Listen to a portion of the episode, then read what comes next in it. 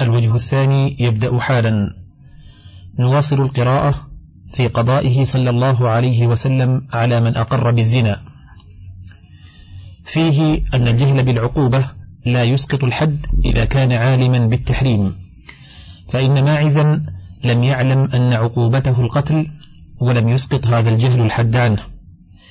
وفيه أنه يجوز للحاكم أن يحكم بالإقرار في مجلسه وإن لم يسمعه معه شاهدان. نص عليه أحمد فإن النبي صلى الله عليه وسلم لم يقل لأنيس فإن اعترفت بحضرة شاهدين فارجمها. وأن الحكم إذا كان حقا محضا لله لم يشترط الدعوى به عند الحاكم. وأن الحد إذا وجب على امرأة جاز للإمام أن يبعث إليها من يقيمه عليها ولا يحضرها. وترجم النسائي على ذلك صونا للنساء عن مجلس الحكم وأن الإمام والحاكم والمفتي يجوز له الحلف على أن هذا حكم الله عز وجل إذا تحقق ذلك وتيقنه بلا ريب وأنه يجوز التوكيل في إقامة الحدود وفيه نظر فإن هذا استنابة من النبي صلى الله عليه وسلم وتضمن تغريب المرأة كما يغرب الرجل. لكن يغرب معها محرمها إن أمكن وإلا فلا. وقال مالك لا تغريب على النساء لأنهن عورة. فصل في حكمه صلى الله عليه وسلم على أهل الكتاب في الحدود بحكم الإسلام. ثبت في الصحيحين والمسانيد أن اليهود جاءوا إلى رسول الله صلى الله عليه وسلم فذكروا رجلا فذكروا له أن رجلا منهم وامرأة زنيا. فقال رسول الله صلى الله عليه وسلم ما تجدون في التوراة في شأن الرجم؟ قالوا نفضحهم ويجلدون. فقال عبد الله بن سلام كذبتم إن فيها الرجم. فأتوا بالتوراة فنشروها فوضع أحدهم يده على آية الرجم فقرأ ما قبلها وما بعدها. فقال له عبد الله بن سلام ارفع يدك. فرفع يده فإذا فيها آية الرجم. فقالوا صدق يا محمد إن فيها الرجم. فأمر بهما رسول الله صلى الله عليه وسلم فرجما. فتضمنت هذه الحكومة أن الإسلام ليس بشرط في الإحصان وأن الذمي يحصن الذمية. وإلى هذا ذهب أحمد والشافعي. ومن لم يقل بذلك اختلفوا في وجه هذا الحديث فقال مالك في غير الموطأ لم يكن اليهود بأهل ذمة والذي في صحيح البخاري أنهم أهل ذمة. ولا شك أن هذا كان بعد العهد الذي وقع بين النبي صلى الله عليه وسلم وبينهم ولم يكونوا إذ ذاك حربا. كيف وقد تحاكموا إليه ورضوا بحكمه؟ وفي بعض طرق الحديث أنهم قالوا اذهبوا بنا إلى هذا النبي فإنه بعث بالتخفيف. وفي بعض طرقه أنهم دعوه إلى بيت مدراسهم فأتاهم وحكم بينهم فهم كانوا أهل عهد وصلح بلا شك. وقالت طائفة أخرى إنما رجمهما بحكم التوراة. قالوا سياق القصة صريح في ذلك وهذا مما لا يجدي عليهم شيئا البتة فإنه حكم بينهم بالحق المحض فيجب اتباعه بكل حال فماذا بعد الحق إلا الضلال؟ وقال الطائفة رجمهما سياسة وهذا من أقبح الأقوال بل رجمهما بحكم الله الذي لا حكم سواه. وتضمنت هذه الحكومة أن أهل الذمة إذا تحاكموا إلينا لا نحكم بينهم إلا بحكم الإسلام. وتضمنت قبول شهادة أهل الذمة بعضهم على بعض لأن الزانيين لم يقرا ولم يشهد عليهما المسلمون فإنهم لم يحضروا زناهما. كيف وفي السنن في هذه القصة؟ فدعا رسول الله صلى الله عليه وسلم بالشهود فجاءوا أربعة فشهدوا أنهم رأوا ذكره في فرجها مثل الميل في المكحلة. وفي بعض طرق هذا الحديث فجاء أربعة منهم وفي بعضها فقال لليهود ائتوني بأربعة منكم. وتضمنت الاكتفاء بالرجم وألا يجمع بينه وبين الجلد. قال ابن عباس الرجم في كتاب الله لا يغوص عليه إلا غواص وهو قوله تعالى يا أهل الكتاب قد جاءكم رسولنا يبين لكم كثيرا مما كنتم تخفون من, من الكتاب. واستنبطه غيره من قوله إنا أنزلنا التوراة فيها هدى ونور يحكم بها النبيون الذين أسلموا للذين هادوا. قال الزهري في حديثه فبلغنا أن هذه الآية نزلت فيهم إنا أنزلنا التوراة فيها هدى ونور يحكم بها النبيون الذين أسلموا. كان النبي صلى الله عليه وسلم منهم. فصل في قضائه صلى الله عليه وسلم في الرجل يزني بجارية امرأته. في المسند والسنن الأربعة من حديث قتادة عن حبيب بن سالم أن رجلا يقال له عبد الرحمن بن حنين وقع على جارية امرأته فرفع إلى النعمان بن بشير وهو أمير على الكوفة فقال لأقضين فيك بقضية رسول الله صلى الله عليه وسلم إن كانت أحلتها لك جلدتك مئة جلدة وإن لم تكن أحلتها رجمتك بالحجارة فوجدوه أحلتها له فجلده مئة. قال الترمذي في إسناد هذا الحديث اضطراب.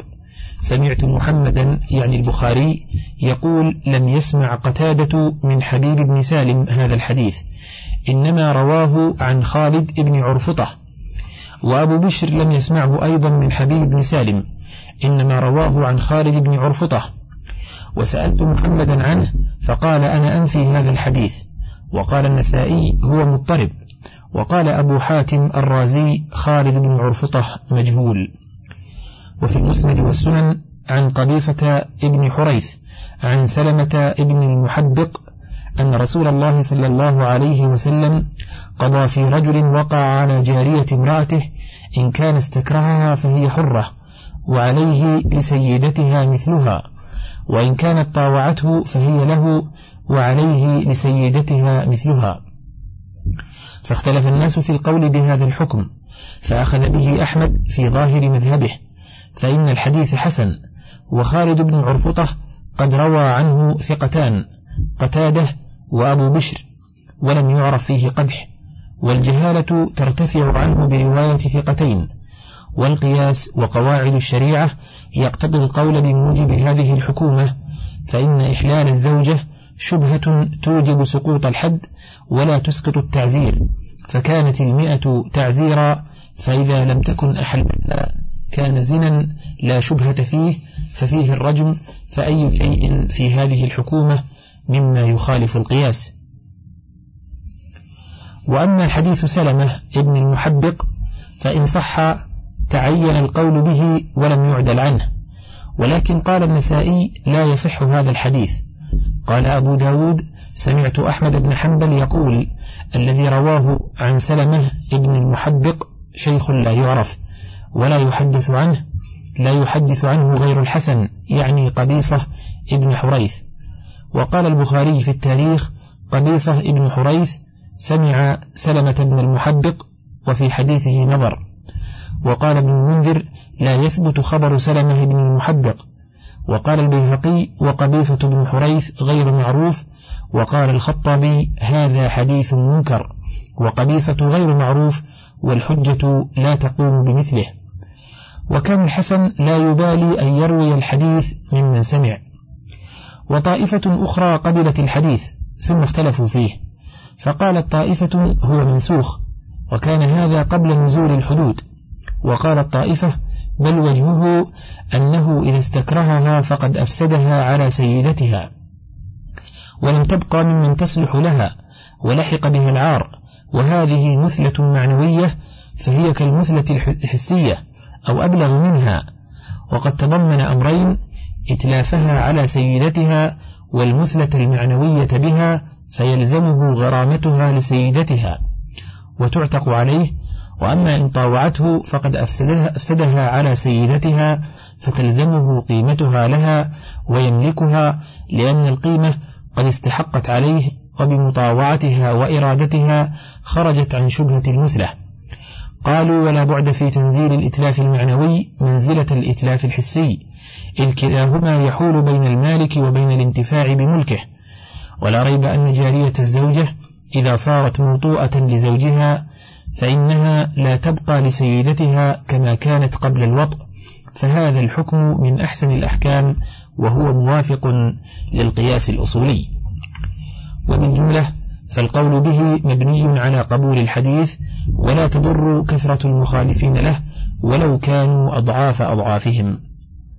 فصل ولم يثبت عنه صلى الله عليه وسلم أنه قضى في اللواط بشيء لأن هذا لم تكن تعرفه العرب. ولم يرفع إليه صلى الله عليه وسلم ولكن ثبت عنه أنه قال اقتلوا الفاعل والمفعول به رواه أهل السنن الأربعة وإسناده صحيح وقال الترمذي حديث حسن وحكم به أبو بكر الصديق وكتب به إلى خالد بعد مشاورة الصحابة وكان علي أشدهم في ذلك. وقال ابن القصار وشيخنا أجمعت الصحابة على قتله وإنما اختلفوا في كيفية قتله. فقال أبو بكر الصديق يرمى من شاهق وقال علي رضي الله عنه يهدم عليه حائط وقال ابن عباس يقتلان بالحجارة. فهذا اتفاق منهم على قتله وإن اختلفوا في كيفيته. وهذا موافق لحكمه صلى الله عليه وسلم في من وطئ ذات محرم لأن الوطأ في الموضعين لا يباح للواطئ بحال. ولهذا جمع بينهما في حديث ابن عباس رضي الله عنهما فإنه روى عنه صلى الله عليه وسلم أنه قال من وجدتموه يعمل عمل قوم لوط فاقتلوه. وروى أيضا عنه من وقع على ذات محرم فاقتلوه. وفي حديثه أيضا بالإسناد من أتى بهيمة فاقتلوه واقتلوها معه. وهذا الحكم على وفق حكم الشارع فإن المحرمات كلما تغلظت تغلظت عقوباتها ووطء من لا يباح بحال أعظم جرما من وطء من يباح في بعض الأحوال فيكون حده أغلظ. وقد نص أحمد في إحدى الروايتين عنه أن حكم من أتى بهيمة حكم اللواط سواء فيقتل بكل حال أو يكون حده حد الزاني. واختلف السلف في ذلك فقال الحسن حده حد الزاني.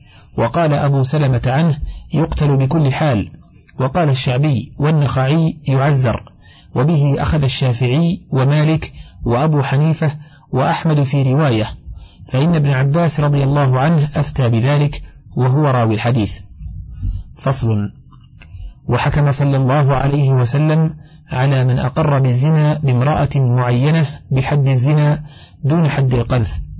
ففي السنن من حديث سهل بن سعد أن رجلا أتى النبي صلى الله عليه وسلم فأقر عنده أنه زنى بامرأة سماها.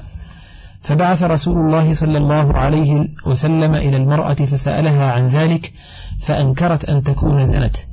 فجلده الحد وتركها. فتضمنت هذه الحكومة أمرين. أحدهما وجوب الحد على الرجل وإن كذبته المرأة خلافا لأبي حنيفة وأبي يوسف أنه لا يحد. الثاني أنه لا يجب عليه حد القذف للمرأة. وأما ما رواه أبو داود في سننه من حديث ابن عباس رضي الله عنه أن رجلا أتى النبي صلى الله عليه وسلم فأقر أنه زنى بامرأة أربع مرات فجلده مئة جلدة وكان بكرا. ثم سأله البينة على المرأة فقالت كذب والله يا رسول الله. فجلد حد الفرية ثمانين. فقال النسائي هذا حديث منكر انتهى. وفي إسناده القاسم ابن فياض الأنباري الصنعاني. تكلم فيه غير واحد وقال ابن حبان بطل الاحتجاج به. فصل. وحكم في الأمة إذا زنت ولم تحصن بالجلد وأما قوله تعالى في الإناء فإذا أحصن فإن أتين بفاحشة فعليهن نصف ما على المحصنات من العذاب فهو نص في أن حدها بعد التزويج نصف حد الحرة من الجلد وأما قبل التزويج فأمر, فأمر بجلدها. وفي هذا الجلد قولان أحدهما أنه الحد ولكنه يختلف الحال قبل التزويج وبعده فإن للسيد إقامته قبله وأما بعده فلا يقيمه إلا الإمام. والقول الثاني أن جلدها قبل الإحصان تعزير لا حد ولا يبطل هذا ما رواه مسلم في صحيحه من حديث أبي هريرة رضي الله عنه يرفعه إذا زنت أمة أحدكم فليجلدها ولا يعيرها ثلاث مرات فإن عادت في الرابعة فليجلدها وليبعها ولو بضفير وفي لفظ فليضربها كتاب الله. وفي صحيحه أيضا من حديث علي رضي الله عنه أنه قال أيها الناس أقيموا على أرقائكم الحد من أحصن منهم ومن لم يحصن فإن أمة لرسول الله صلى الله عليه وسلم زنت فأمرني أن أجلدها فإذا هي حديثة عهد بنفاس فخشيت إن أنا جلدتها أن أقتلها فذكرت ذلك للنبي صلى الله عليه وسلم فقال أحسنت. فإن التعزير يدخل تحته لفظ الحد في لسان الشارع كما في قوله صلى الله عليه وسلم لا يضرب فوق عشرة أسواط إلا في حد من حدود الله تعالى. وقد ثبت التعزير بالزيادة على العشرة جنسا وقدرا في مواضع عديدة لم يثبت نسخها ولم ولم تجمع الأمة على خلافها. وعلى كل حال فلا بد أن يخالف حالها بعد الإحصان حالها قبله وإلا لم يكن للتقييد فائدة. فإما أن يقال قبل الإحصان لا حد عليها والسنة الصحيحة تبطل ذلك وإما أن يقال حدها قبل الإحصان حد الحرة وبعده نصفه وهذا باطل قطعا مخالف لقواعد الشرع وأصوله. وإما أن يقال جلدها قبل الإحصان تعزير وبعده حد وهذا أقوى. وإما أن يقال الافتراق بين الحالتين في إقامة الحد لا في قدره وأنه في إحدى الحالتين للسيد وفي الأخرى للإمام وهذا أقرب ما يقال. وقد يقال إن تنصيصه على التنصيف بعد الإحصان لئلا يتوهم متوهم أن بالإحصان يزول التنصيف ويصير حدها حد الحرة كما أن الجلد زال عن البكر بالإحصان وانتقل إلى الرجم فبقي على التنصيف في أكمل حالتيها وهي الإحصان تنبيها على أنه إذا اكتفي به فيها ففيما قبل الإحصان أولى وأحرى والله أعلم. وقضى رسول الله صلى الله عليه وسلم في مريض زنى ولم يحتمل إقامة الحد بأن يؤخذ له عثكال فيه مئة شمراخ فيضرب بها ضربة واحدة. فصل. وحكم رسول الله صلى الله عليه وسلم بحد القذف لما أنزل الله سبحانه براءة زوجته من السماء فجلد رجلين وامرأة وهما حسان بن ثابت ومسطح بن أثاثة قال أبو جعفر النفيلي ويقولون المرأة حملة بنت جحش. وحكم في من بدل دينه بالقتل ولم يخص رجلا من امرأة وقتل الصديق امرأة ارتدت بعد إسلامها يقال لها أم قرفة. وحكم في شارب الخمر بضربه بالجريد والنعال وضربه أربعين. وتبعه أبو بكر رضي الله عنه على الأربعين. وفي مصنف عبد الرزاق أنه صلى الله عليه وسلم جلد في الخمر ثمانين. وقال ابن عباس رضي الله عنه لم يوقت فيها رسول الله صلى الله عليه وسلم شيئا. وقال علي رضي الله عنه جلد رسول الله صلى الله عليه وسلم في الخمر أربعين وأبو بكر أربعين وكملها عمر ثمانين وكل سنة. وصح عنه صلى الله عليه وسلم أنه أمر بقتله في الرابعة أو الخامسة. واختلف الناس في ذلك فقيل هو منسوخ وناسخه لا يحل دم امرئ مسلم إلا بإحدى ثلاث. وقيل هو محكم ولا تعارض بين الخاص والعام ولا سيما إذا لم يعلم تأخر العام. وقيل ناسخه حديث عبد الله بن حمار فإنه أتي به مرارا إلى رسول الله صلى الله عليه وسلم فجلده ولم يقتله. وقيل قتله تعزير بحسب المصلحة. فإذا كثر منه ولم ينهه الحد واستهان به فللإمام, فللإمام قتله تعزيرا لا حدا وقد صح عن عبد الله بن عمر رضي الله عنهما أنه قال ائتوني به في الرابعة فعلي أن أقتله لكم. وهو أحد رواة الأمر بالقتل عن النبي صلى الله عليه وسلم. وهم معاوية وأبو هريرة وعبد الله بن عمر وعبد الله بن عمرو. وقبيصة ابن ذؤيب رضي الله عنهم.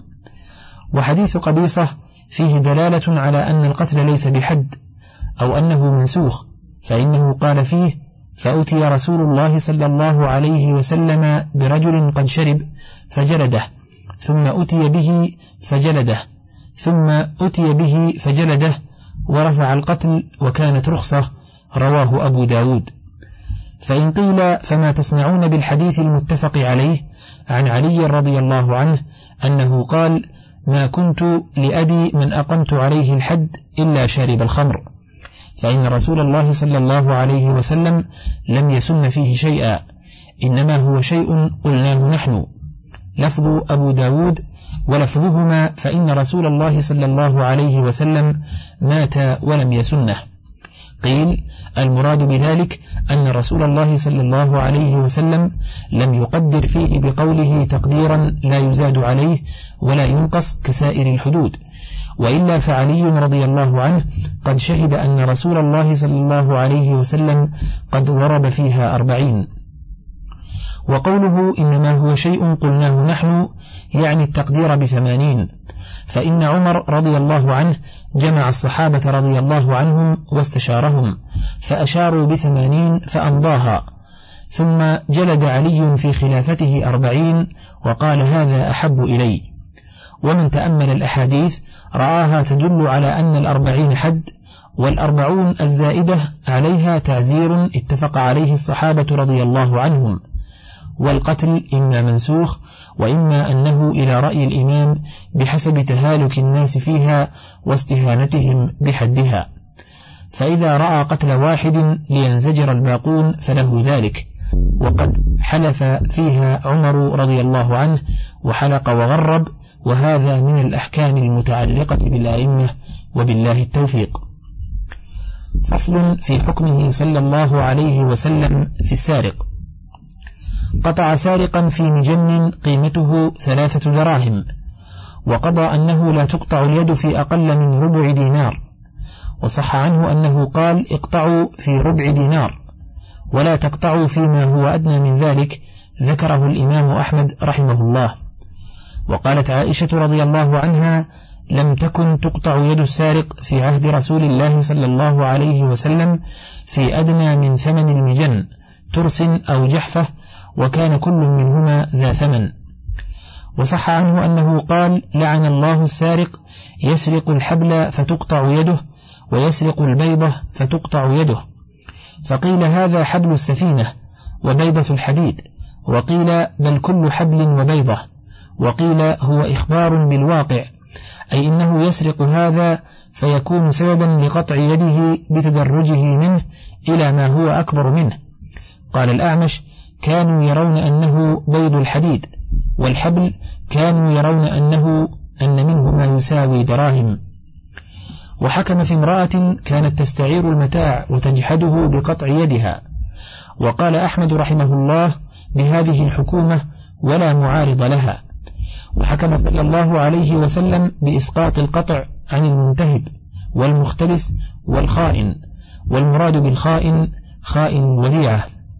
وأما جاحد العارية فيدخل في اسم السارق شرعا لأن النبي صلى الله عليه وسلم لما كلموه في شأن المستعيرة الجاحدة قطعها وقال والذي نفسي بيده لو أن فاطمة بنت محمد سرقت لقطعت يدها. فإدخاله صلى الله عليه وسلم جاحد العارية في اسم السارق كإدخاله سائر أنواع المسكر في اسم الخمر. فتأمله وذلك تعريف للأئمة بمراد الله من كلامه. وأسقط صلى الله عليه وسلم القطع عن سارق الثمر والكثر. وحكم أن من أصاب منه شيئا بفمه وهو محتاج فلا شيء عليه ومن خرج منه بشيء فعليه غرامة مثلية والعقوبة.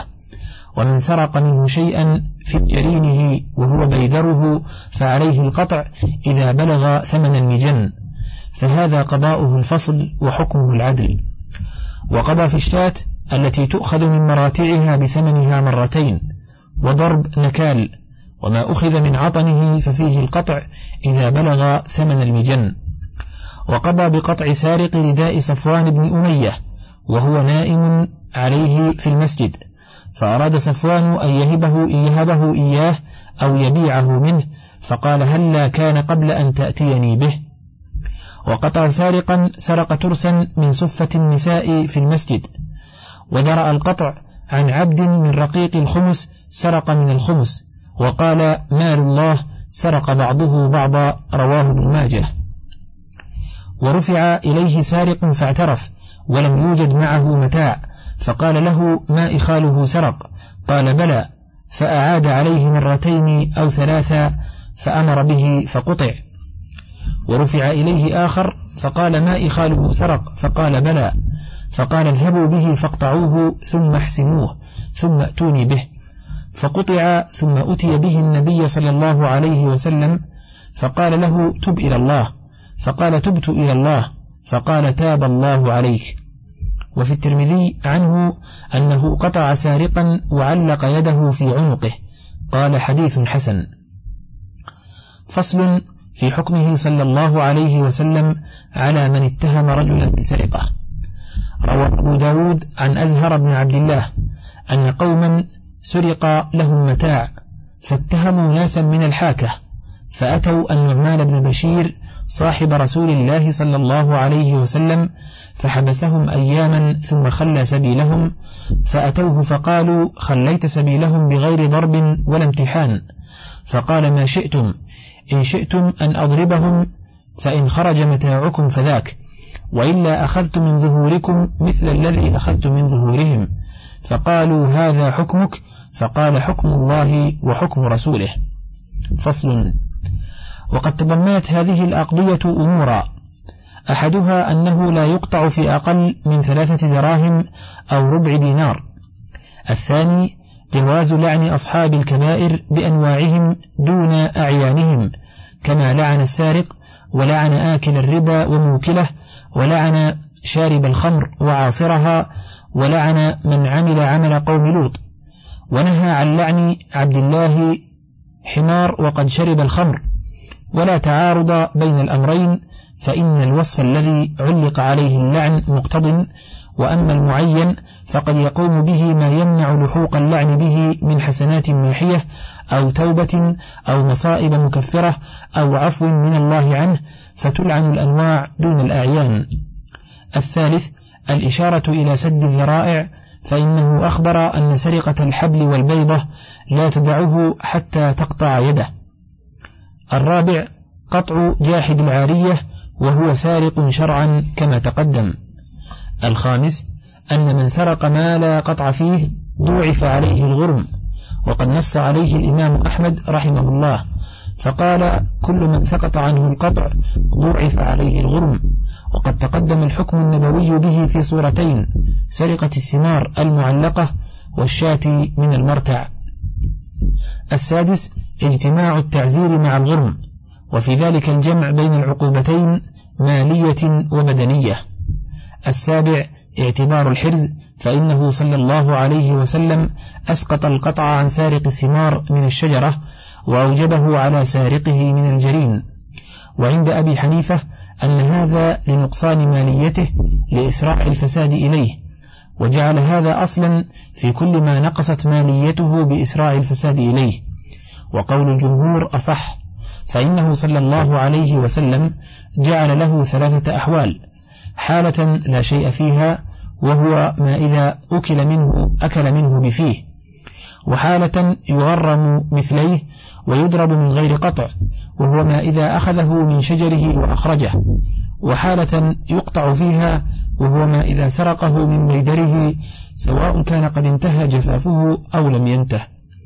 فالعبرة للمكان والحرز لا ليبسه ورطوبته. ويدل عليه أنه صلى الله عليه وسلم أسقط القطع عن سارق الشاة من مرعاها وأوجبه على سارقها من عطنها فإنه حرزها. الثامن إثبات العقوبات المالية وفيه عدة سنن ثابتة لا معارض لها وقد عمل بها الخلفاء الراشدون وغيرهم من الصحابة رضي الله عنهم وأكثر من عمل بها عمر رضي الله عنه. التاسع أن الإنسان حرز لثيابه ولفراشه الذي هو نائم عليه أين كان سواء كان في المسجد أو في غيره. العاشر أن المسجد حرز لما يعتاد وضعه فيه فإن النبي صلى الله عليه وسلم قطع من سرق منه ترسا وعلى هذا فيقطع من سرق من حصيره وقناديله وبسطه وهو أحد القولين في مذهب أحمد وغيره ومن لم يقطعه قال له فيها حق فإن لم يكن له فيها حق قطع كالذمي الحادي عشر أن المطالبة في المسروق شرط في القطع فلو وهبه إياه أو باعه قبل رفعه إلى الإمام سقط عنه القطع كما صرح به النبي صلى الله عليه وسلم وقال هلا كان قبل أن تأتيني به؟ الثاني عشر أن ذلك لا يسقط القطع بعد رفعه إلى الإمام. وكذلك كل حد بلغ الإمام وثبت عنده لا يجوز إسقاطه وفي السنن عنه إذا بلغت الحدود الإمام فلعن الله الشافع والمشفع. الثالث عشر أن من سرق من شيء له فيه حق لم يقطع. الرابع عشر أنه لا يقطع إلا بالإقرار مرتين أو بشهادة شاهدين لأن السارق أقر عنده مرة فقال ما إخالك سرقت؟ فقال بلى فقطعه حينئذ ولم يقطعه حتى أعاد عليه مرتين. الخامس عشر التعريض للسارق بعدم الإقرار وبالرجوع عنه. وليس هذا حكم كل سارق بل من السراق من يقر بالعقوبة والتهديد كما سيأتي إن شاء الله تعالى. السادس عشر أنه يجب على الإمام حسمه بعد القطع لئلا يتلف. وفي قوله احسنوه دليل على أن مؤنة الحسم ليست على السارق. السابع عشر تعليق يد السارق في عنقه تنكيلا له وبه ليراه غيره. الثامن عشر ضرب المتهم إذا ظهر منه أمارات الريبة وقد عاقب النبي صلى الله عليه وسلم في تهمة وحبس في تهمة. التاسع عشر وجوب تخلية المتهم إذا لم يظهر عنده شيء مما اتهم به وأن المتهم إذا رضي بضرب المتهم فإن خرج ماله عنده وإلا ضرب هو مثل ضرب من اتهمه إن أجيب إلى ذلك. وهذا كله من أمارات الريبة كما قضى به النعمان بن بشير رضي الله عنه وأخبر أنه قضاء رسول الله صلى الله عليه وسلم. العشرون ثبوت القصاص في الضربة بالسوط والعصا ونحوهما. فصل. وقد روى روى عنه أبو داود أنه أمر بقتل سارق فقالوا إنما سرق فقال اقطعوه ثم جيء به ثانيا فأمر بقتله فقالوا إنما سرق فقال اقطعوه ثم جيء به في الثالثة فأمر بقتله فقالوا إنما سرق فقال اقطعوه ثم جيء به رابعة فقال اقتلوه فقالوا إنما سرق فقال اقطعوه فأتي به في الخامسة فأمر بقتله فأمر بقتله فقتلوه. فاختلف الناس في هذه الحكومة فالنسائي وغيره لا يصححون هذا الحديث. قال النسائي هذا حديث منكر ومصعب ابن ثابت ليس بالقوي وغيره يحسنه ويقول هذا حكم خاص بذلك الرجل وحده. لما علم رسول الله صلى الله عليه وسلم من المصلحة في قتله. وطائفة ثالثة تقبله وتقول به وأن السارق إذا سرق خمس مرات قتل في الخامسة.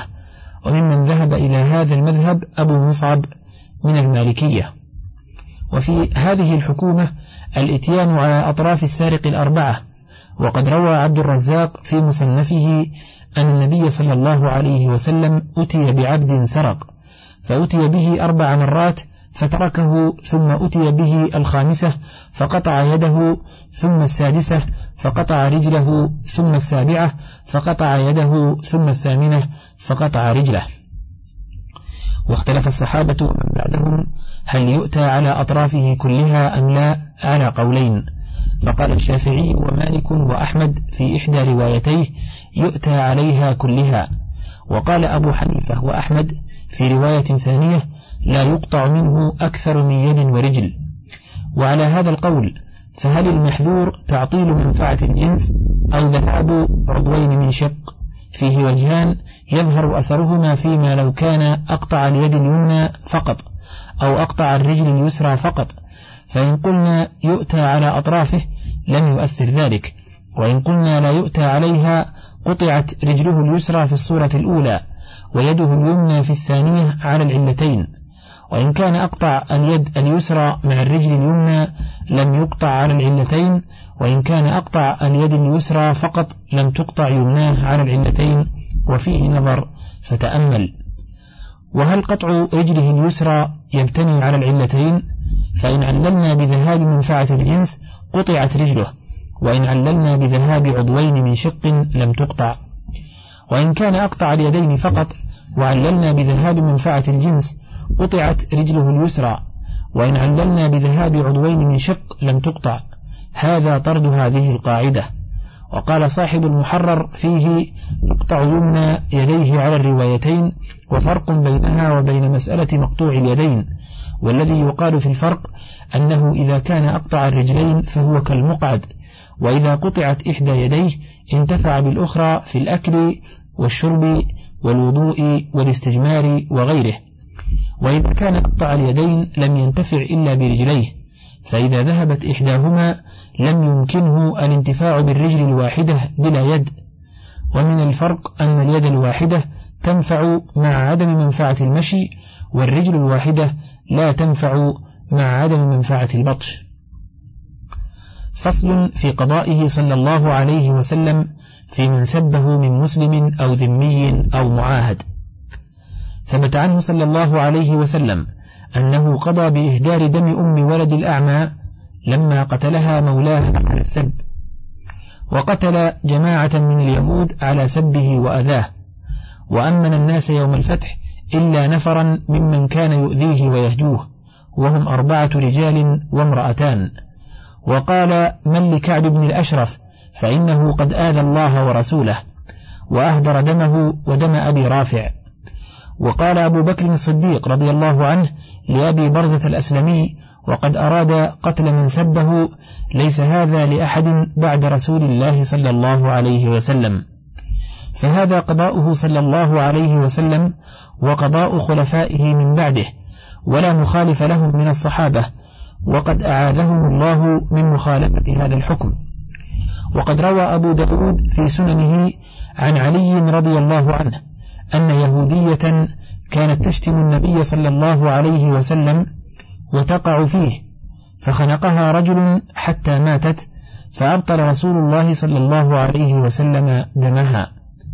وذكر أصحاب السير والمغازي عن ابن عباس رضي الله عنهما قال هجت امرأة النبي صلى الله عليه وسلم فقال من لي بها؟ فقال رجل من قومها أنا فنهض فقتلها. فأخبر النبي صلى الله عليه وسلم فقال لا ينتطح فيها عنزان. وفي ذلك بضعة عشر حديثا ما بين صحاح وحسان ومشاهير وهو إجماع الصحابة. وقد ذكر حرب في مسائله عن مجاهد قال أتي عمر رضي الله عنه برجل سب النبي صلى الله عليه وسلم فقتله. ثم قال عمر رضي الله عنه من سب الله ورسوله أو سب أحدا من الأنبياء فاقتلوه. ثم قال مجاهد عن ابن عباس رضي الله عنهما أيما مسلم سب الله ورسوله أو سب أحدا من الأنبياء فقد كذب برسول الله صلى الله عليه وسلم وهي ردة. يستتاب فإن رجع وإلا قتل. وأيما معاهد عاند فسب الله أو سب أحدا من الأنبياء أو جهر به فقد نقض العهد فاقتلوه. وذكر أحمد عن ابن عمر رضي الله عنهما أنه مر به راهب فقيل له هذا يسب النبي صلى الله عليه وسلم. فقال ابن عمر رضي الله عنه لو سمعته لقتلته إنا لم نعطهم الذمة على أن يسبوا نبينا. والآثار عن الصحابة بذلك كثيرة. وحكى غير واحد من الأئمة الإجماع على قتله. قال شيخنا وهو محمول على إجماع الصدر الأول من الصحابة والتابعين. والمقصود إنما هو ذكر حكم النبي صلى الله عليه وسلم وقضائه في من سبه. وأما تركه صلى الله عليه وسلم قتل من قدح في عدله بقوله اعدل فإنك لم تعدل وفي حكمه بقوله أن كان ابن عمتك وفي قصده بقوله إن هذه قسمة ما أريد بها وجه الله أو في خلوته بقوله يقولون إنك تنهى عن الغي وتستخلي به وغير ذلك فذلك أن الحق له فله أن يستوفيه وله أن يتركه وليس لأمته ترك استيفاء حقه صلى الله عليه وسلم. وأيضا فإن, فإن هذا كان في أول الأمر حيث كان صلى الله عليه وسلم مأمورا بالعفو والصفح. وأيضا فإنه كان يعفو عن حقه لمصلحة التأليف وجمع الكلمة ولئلا ينفر الناس عنه ولئلا يتحدثوا أنه يقتل أصحابه. وكل هذا يختص بحياته صلى الله عليه وسلم. فصل في حكمه صلى الله عليه وسلم في من سمه. ثبت في الصحيحين أن يهودية سمته في شاه. فأكل منها لقمة ثم لفظها وأكل معه بشر بن البراء فعفى عنها النبي صلى الله عليه وسلم ولم يعاقبها هكذا في الصحيحين. وعند أبي داود أنه أمر بقتلها فقيل إنه عفى عنها في حقه فلما مات بشر بن البراء قتلها به. وفيه دليل على أن من قدم لغيره طعاما مسموما يعلم به دون آكله فمات به أقيد منه. فصل في حكمه صلى الله عليه وسلم في الساحر. في الترمذي عنه صلى الله عليه وسلم حد الساحر ضربة بالسيف والصحيح أنه موقوف على جندب بن عبد الله. وصح عن عمر رضي الله عنه أنه أمر بقتله وصح عن حفصة رضي الله عنها أنها قتلت مدبرة سحرتها فأنكر عليها عثمان إذ فعلته دون أمره. وروي عن عائشة رضي الله عنها أيضا أنها قتلت مدبرة سحرتها وروي أنها باعتها ذكره ابن المنذر وغيره. وقد صح أن رسول الله صلى الله عليه وسلم لم يقتل من سحره من اليهود فأخذ بهذا الشافعي وأبو حنيفة رحمهما الله. وأما مالك وأحمد رحمهما الله فإنهما يقتلانه ولكن منصوص أحمد رحمه الله أن ساحر أهل الذمة لا يقتل. واحتج بأن النبي صلى الله عليه وسلم لم يقتل لبيد بن الأعصم اليهودي حين سحره ومن قال بقتل ساحرهم يجيب عن هذا بأنه لم يقر ولم يقم عليه بينة وبأنه خشي صلى الله عليه وسلم أن يثير على الناس شرا بترك إخراج السحر من البئر فكيف لو قتله؟ فصل في حكمه صلى الله عليه وسلم في أول غنيمة كانت في الإسلام وأول قتيل. لما بعث رسول الله صلى الله عليه وسلم عبد الله بن جحش ومن معه سرية إلى نخلة ترصد عيرا لقريش وأعطاه كتابا مختوما وأمره ألا يقرأه إلا بعد يومين فقتلوا عمرو بن الحضرمي وأسروا عثمان بن عبد الله والحكم بن كيسان وكان ذلك في الشهر الحرام فعنفهم المشركون ووقف رسول الله صلى الله عليه وسلم الغنيمة والأسيرين حتى أنزل الله سبحانه وتعالى يسألونك عن الشهر الحرام قتال فيه قل قتال فيه كبير وصد عن سبيل الله وكفر به والمسجد الحرام وإخراج أهله منه أكبر عند الله فأخذ رسول الله صلى الله عليه وسلم العير والأسيرين وبعثت إليه قريش في فدائهما فقال لا حتى يقدم صاحبانا يعني سعد بن أبي وقاص وعتبة ابن غزوان فإنا نخشاكم عليهما فإن تقتلوهما نقتل صاحبيكم فلما قدم فاداهما رسول الله صلى الله عليه وسلم بعثمان والحكم وقسم الغنيمة. انتهى الشريط الرابع والأربعون من كتاب زاد المعاد وله بقية على الشريط الخامس والأربعين.